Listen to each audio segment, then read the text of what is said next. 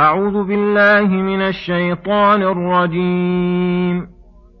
إن ربكم الله الذي خلق السماوات والأرض في ستة أيام ثم استوى على العرش ثم استوى على العرش يغشي الليل النهار يطلبه حثيثا والشمس والقمر والشمس والقمر والنجوم مسخرات بأمره ألا له الخلق والأمر تبارك الله رب العالمين. ادعوا ربكم تضرعا وخفية إنه لا يحب المعتدين. ولا تفسدوا في الأرض بعد إصلاحها وادعوه خوفا وطمعا. إن رحمة الله قريب من المحسنين وهو الذي يرسل الرياح بشرا بين يدي رحمته حتى إذا أقلت سحابا ثقالا سقناه لبلد ميت فأنزلنا به الماء فأنزلنا به الماء فأخرجنا به من كل الثمرات كذلك نخرج الموتى لعلكم تذكرون. والبلد الطيب يخرج نباته بإذن ربه والذي خبث لا يخرج إلا نكدا. كذلك نصرف الآيات لقوم يشكرون. بسم الله الرحمن الرحيم. السلام عليكم ورحمة الله وبركاته.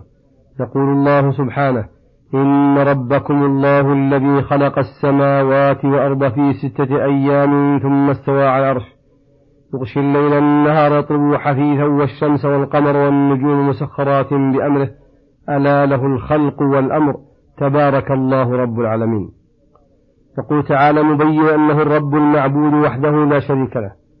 إن ربكم الله الذي خلق السماوات والأرض وما فيهما على عظمهما وسعتهما وإحكامهما وإتقانهما وبديع خلقهما في ستة أيام أولها يوم الأحد وآخرها يوم الجمعة. فلما قضاهما وأودع فيهما من أمره ما أودع استوى تبارك وتعالى على العرش العظيم الذي يسع السماوات والأرض وما فيهما وما بينهما استوى استواء يليق بجلاله وعظمته وسلطانه فاستوى على العرش واحتوى على الممالك وأجرى عليهم أحكامه الكونية وأحكامه الدينية. ولهذا قال يغشي الليل المظلم النهار المضيء فيظلم ما على وجه الأرض ويسكن الآدميون وتأوي المخلوقات إلى مساكنها. ويستريحون من التعب والذهاب والإياب الذي حصل لهم في النهار. يطلبه حثيثا.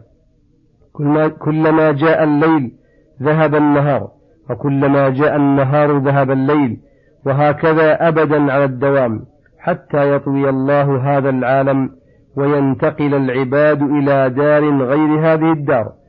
والشمس والقمر والنجوم مسخرات بأمره أي بتسخيره وتدبيره الدال على ما له من أوصاف الكمال فخلقها وعظمها دال على كمال قدرته وما فيها من الإحكام والانتظام والإتقان دال على كمال حكمته وما فيها من المنافع والمصالح الضرورية وما دونها دال على سعة رحمته وعلمه وأنه الإله الحق الذي لا تنبغي العبادة إلا له. ألا له الخلق والأمر أي له الخلق الذي صدرت عنه جميع المخلوقات علويها وسفليها أعيانها وأوصافها وأفعالها. والأمر متضمن للشرائع والنبوات فالخلق يتضمن أحكامه الكونية القدرية والأمر يتضمن أحكامه الدينية الشرعية وثم أحكام الجزاء وذلك يكون في دار البقاء. تبارك الله أي عظم وتعالى وكثر خيره وإحسانه. فتبارك, فتبارك في نفسه لعظمة أوصافه وكمالها. وبارك في غيره بإحلال الخير الجزيل والبر الكثير. فكل بركة في الكون فمن آثار رحمته.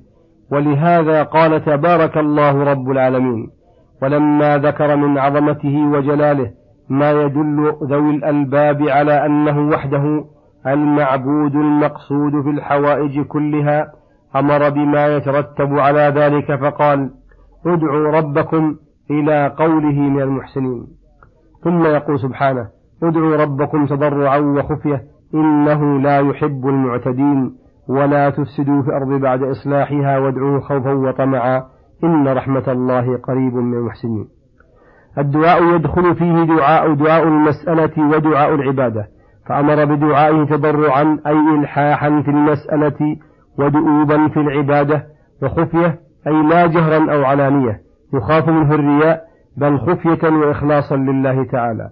إنه لا يحب المعتدين أي المتجاوزين للحد في كل الأمور. ومن الاعتداء كون العبد يسأل الله مسائل لا تصلح له أو ينقطع في السؤال أو يبالغ في رفع صوته بالدعاء. فكل هذا داخل في الاعتداء المنهي عنه ولا تفسد في الأرض بعد بعمل المعاصي بعد إصلاحها بالطاعات فإن المعاصي تفسد الأخلاق والأعمال والأرزاق. كما قال تعالى ظهر الفساد في البر والبحر بما كسبت أيدي الناس كما أن الطاعات تصلح بها الأخلاق والأعمال والأرزاق وأموال الدنيا والآخرة. وادعوه خوفا وطمعا أي خوفا من عقابه. وطمعا في ثوابه طمعا في قبولها وخوفا من ردها. لا دعاء عبد مدل لا دعاء عبد مدل على ربه. قد أعجبته نفسه ونزل نفسه فوق منزلته أو دعاء من هو غافل من هو غافل لله. وحاصل ما ذكر الله من آداب الدعاء الإخلاص فيه لله وحده لأن ذلك يتضمنه الخفية. وإخفاؤه وإسراره أن يكون القلب خائفا طامعا لا غافلا ولا آمنا ولا غير مبال بالإجابة. وهذا من إحسان الدعاء فإن الإحسان في كل عبادة بذل الجهد فيها وأداؤها كاملة لا نقص فيها بوجه من الوجوه.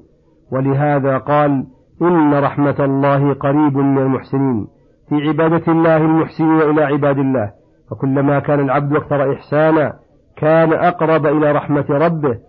وكان ربه قريبا منه برحمته وفي هذا من الحث على الإحسان ما لا يخفى ثم يقول سبحانه وهو الذي يرسل الرياح بشرا بين يدي رحمته الآيات. بين تعالى أثرا من آثار قدرته ونفحة من نفحات رحمته فقال وهو الذي يرسل الرياح بشرا بين يدي رحمته أي الرياح المبشرات بالغيث التي تثيره بإذن الله. من الأرض فيستبشر الخلق برحمة الله وترتاح لها قلوبهم قبل نزوله حتى إذا أقلت الرياح سحابا ثقالا قد أثاره بعضها وألفته ريح أخرى وألقحته ريح أخرى سقناه لبلد ميت قد كادت تهلك حيواناته وكاد أهله أن ييأسوا من رحمة الله فأنزلنا به أي بذلك البلد الميت الماء الغزير من ذلك السحاب. وسخرها وسخر الله لها ريحا تدره وريحا تفرقه بإذن الله. فأخرجنا به من كل الثمرات وأصبحوا مستبشرين برحمة الله راتعين بخير الله وقوله كذلك يخرج الموتى لعلكم تذكرون أي كما أحيينا الأرض بعد موتها بالنبات. كذلك يخرج الموتى من قبورهم بعدما كانوا رفاة متمزقين وهذا استدلال واضح فإنه لا فرق بين الأمرين فمنكر البعث استبعادا له. مع أنه يرى ما هو نظيره من باب العناد وإنكار المحسوسات. وفي هذا الحث على التذكر والتفكر في آلاء الله والنظر إليها بعين الاعتبار والاستدلال لا بعين الغفلة والإهمال. ثم ذكر تفاوت الأراضي التي ينزل عليها المطر فقال والبلد الطيب أي طيب التربة والمادة. إذا نزل عليه مطر يخرج نباته الذي هو مستعد له بإذن ربه. أي بإرادة الله ومشيئته فليست الأسباب مستقلة مستقلة بوجود الأشياء حتى يأذن الله بذلك. والذي خبث من أراضي لا يخرج إلا نكدا أي نباتا خاصا لا نفع فيه ولا بركة. كذلك نصرف الآيات لقوم يشكرون أي ننوعها ونبينها ونضرب فيها الأمثال ونسوقها لقوم يشكرون الله بالاعتراف بنعمه والإقرار بها. وصرفها في مرضاة الله. وهم الذين ينتفعون بما فصل الله في كتابه من الأحكام والمطالب الإلهية لأنهم يرونها من أكبر النعم الواصلة إليهم من ربهم فيتلقونها مفتقرين إليها فرحين بها فيتدبرونها ويتأملونها فيبين لهم من معانيها من معانيها بحسب استعدادهم. وهذا مثال للقلوب حين ينزل عليها الوحي الذي هو مادة الحياة كما أن الغيث مادة الحياة فإن القلوب الطيبة حين يجيئها الوحي تقبله وتعلمه وتنبت بحسب طيب أصلها وحسن عنصرها. وأما القلوب الخبيثة التي لا خير فيها فإذا جاءها الوحي لم يجد محلا قابلا بل يجدها بل يجدها بل يجدها غافلة معرضة أو معارضة. فيكون كالمطر الذي يمر على السباخ والرمال والصخور فلا يؤثر فيها شيئا. وهذا في قوله تعالى أنزل من السماء ماء فسالت أودية بقدرها فاحتمل السيل, فاحتمل السيل زبدا رابيا الآيات. وصلى الله وسلم على نبينا محمد وعلى آله وصحبه أجمعين. وإلى الحلقة القادمة غدا إن شاء الله. والسلام عليكم ورحمة الله وبركاته.